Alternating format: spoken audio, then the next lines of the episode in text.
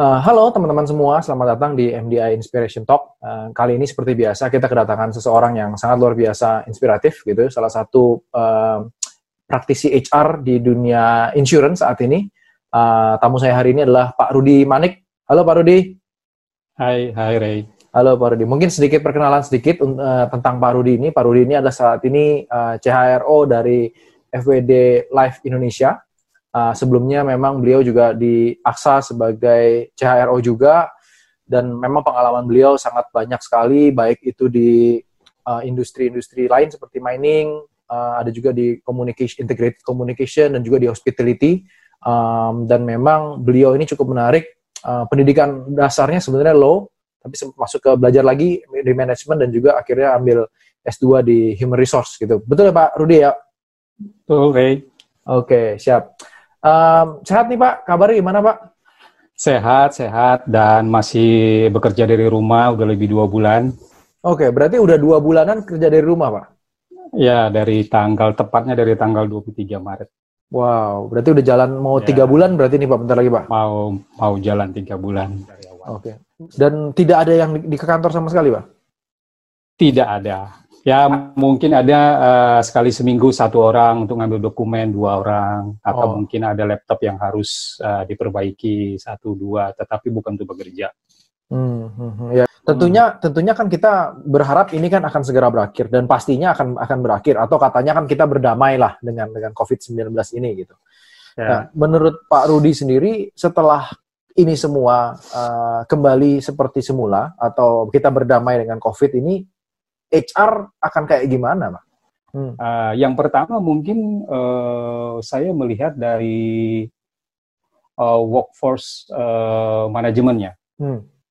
Nah di sini kan uh, uh, ya kita bisa lihat bagaimana beberapa perusahaan pada saat uh, baru beberapa saat, beberapa minggu misalnya COVID terjadi atau satu bulan itu efek terhadap uh, manpower itu luar biasa. Hmm, hmm. Baik itu terjadinya layoff Betul. Uh, atau dirumahkan uh, tanpa bayar atau dirumahkan dengan pay cut, macam-macam. Hmm, hmm, hmm, hmm. Nah, uh, uh, mungkin ke depannya uh, HR harus lebih ben, uh, harus datang dengan approach approach yang berbeda untuk mengelola tenaga kerja.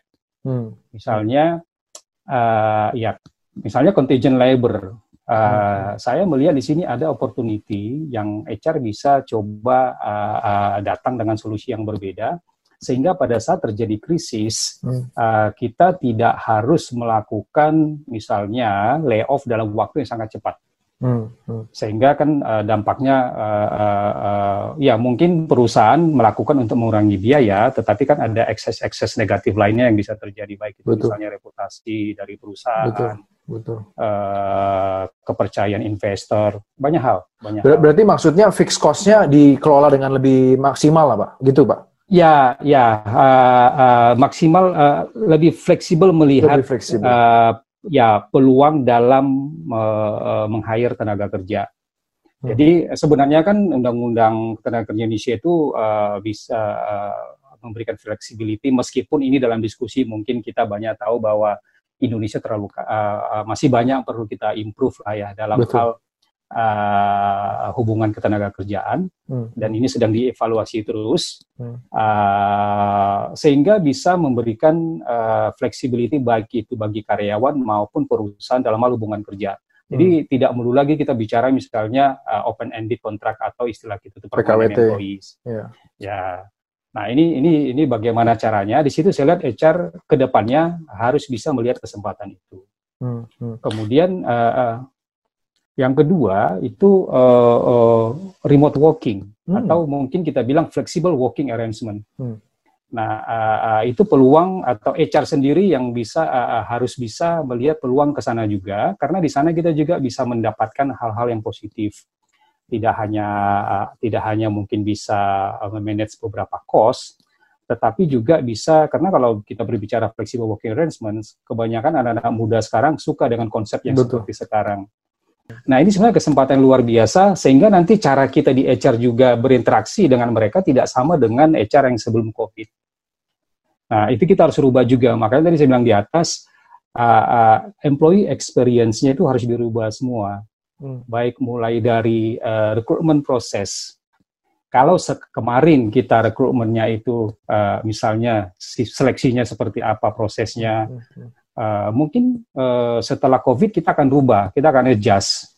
Tidak melulu lagi harus face to face atau segala macam, mungkin bisa melalui uh, video conference atau mungkin membuatkan short video. Konsep virtual interview atau kita ambil contoh learning and development lah. Konsep online training itu kan udah dari zaman 10 tahun, 20 tahun lalu kan udah ada, Pak. Yes. Dan dan maksudnya konsep ini balik lagi nggak bukan sesuatu yang baru. Cuman memang dengan dengan dengan adanya COVID ini tentunya pasti orang satu-satunya alternatif adalah virtual. Ya. Yeah. Betul kan? Yeah. Pasti di, pasti di tempat yeah. Bapak juga uh, pick up rate-nya online training atau virtual training pasti lumayan lumayan naik nih yeah. dibandingkan dulu gitu kan ya lumayan ngetren lah saat ini gitu kan dan dan itu kan ya. juga, juga terlihat di pasaran. Nah tapi pertanyaan saya adalah setelah COVID, setelah nanti kita datang ke kantor lagi, setelah kita ketemu gitu ya, um, apakah akan stay pak? Apa, apakah online training ini akan akan jadi sesuatu yang mainstream atau akan balik lagi seperti semula pak? Kalau kalau kalau kalau dari sudut pandang saya tidak Hmm. Tidak. Uh, apakah menjadi mainstream? Mungkin tidak juga secara langsung. Tetapi akan ada shifting tentunya. Hmm. Uh, karena bagaimanapun pada saat dua bulan lebih terakhir, uh, kita kan sudah mulai nih masing-masing mencoba, mencoba, mencoba.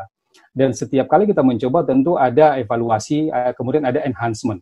Hmm. Sehingga makin ke sini makin kita makin menemukan pola yang bagus. Kemudian hmm. tentunya uh, melalui uh, uh, advice dari partner atau atau dari dari dari uh, Ya.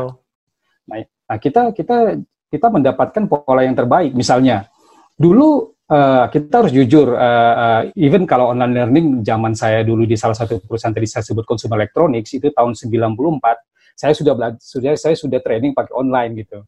Uh, dan step-stepnya sama saja. Cuman apa yang berbeda? Dulu itu satu modul walaupun bisa di stop di tengah jalan kemudian disambung lagi itu panjangnya luar biasa. Bisa berapa jam ya pak? 8 jam gitu? Ya kalau saya non-stop 8 jam impossible. Siapa yang bisa fokus online learning 8 jam? Hmm. psychological itu nggak mungkin. Hmm. Hmm. nah akhirnya kita menemukan pola baru. Sekarang kalau kita lihat sekarang mulai kelihatan pola. Yang namanya online learning atau sharing itu paling sejam. Hmm.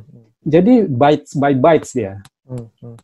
Micro lah. Uh, yes. Nah sekarang pertanyaannya ke, bagaimana kemampuan kita dalam mengcreate sebuah modul sehingga kita uh, uh, audiens kita bisa mengambil kesimpulan hanya dalam waktu misalnya 15 menit. Hmm. Even kalau satu jam sendiri orang kabur tuh. Hmm. Hmm. Nah kalau saya lihatnya justru 15 menit antara 15 sampai 20 itu maksimal kalau bicara online learning.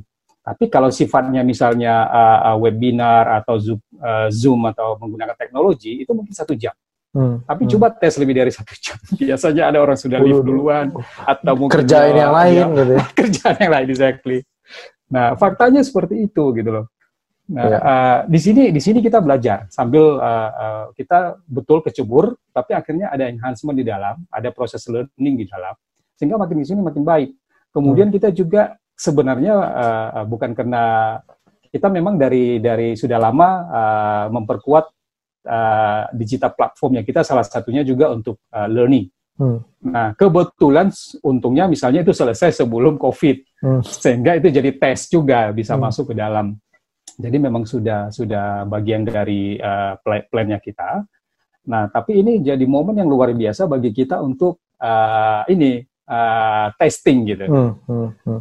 dan dan dapat feedback kemudian dari peserta sehingga kita bisa improve bisa improve lagi tentu kita juga akhirnya mulai exploring ke partner-partner yang dari luar hmm. yang bisa membantu kita create konten yang sesuai dengan kebutuhan tetapi uh, uh, bisa bisa dilakukan melalui online. Yep. Even yep. misalnya uh, ada satu universitas besar yang kita uh, uh, uh, akan kerjasama uh, basisnya di USA, uh, hmm. very very famous uh, university. Hmm. Hmm. Tadinya kita masih berbicara tradisional uh, learning process, mereka datang ke Indonesia, hmm. kita buat kelasnya, karena ini bagian dari learning program kita yang panjang. Akhirnya kita berpikir, wah ini kesempatan harus tetap jalan. Uh. Akhirnya ya kita shift uh, ke ke ini oh, online learning. Hmm. Uh, uh, satu, yang kedua ya melalui uh, ini uh, teknologi. Jadi uh, uh, fasilitator akan langsung dat uh, langsung uh, dari USA, kemudian partisipan ada di Indonesia. Hmm. Nah, kayak video video video conference gitu lah ya pak? Ya video conference. Berarti kalau saya lihat uh, trennya akan blended dong pak, akan kombinasi dong? Iya kombinasi kombinasi. Ya, Antara ya, video tadi video atau online learning atau video learning gitu ya, e-learning lah sebutannya. Ya. Dengan ya. uh, live virtual training dengan mungkin nantinya akan ada offline training juga gitu. Tetap offline tetap harus ada. Offline Jadi tinggal masalah ada. persentasenya lah kita mainin gitu. Tadinya kan misalnya yeah, exactly. off, offline mungkin ya 95% atau 90 berapa persen, uh, on, online-nya mungkin sedikit sekali dulu, tapi tinggal komposisinya yeah. sekarang mungkin bisa jadi 20% Nambah. video, ya. uh, 30% live, 50 persennya bisa jadi offline tetap gitu setelah itu semua dilakukan. Ya, dan ada juga self learning ya, self learning hmm. jadi modul-modul yang uh, uh, online atau uh, uh, misalnya Baca buku, online ya. books misalnya ya. Hmm. Hmm. Nah, itu itu itu memang dalam program kita sudah masukkan seperti itu. Uh, hmm. betul yang kamu bilang tadi, awalnya kita buat uh, offline-nya sekitar 60 kemudian 30 virtual, kemudian uh, uh, sisanya uh, ada uh, kita buat seperti baca buku. Nah, sekarang sudah bergerak nih. Nah, di antaranya dalam dari awal mulai sampai terakhir ada misalnya proses coaching atau mentoring. Yep. Nah, terjadi pergeseran di komposisi antara offline sama online.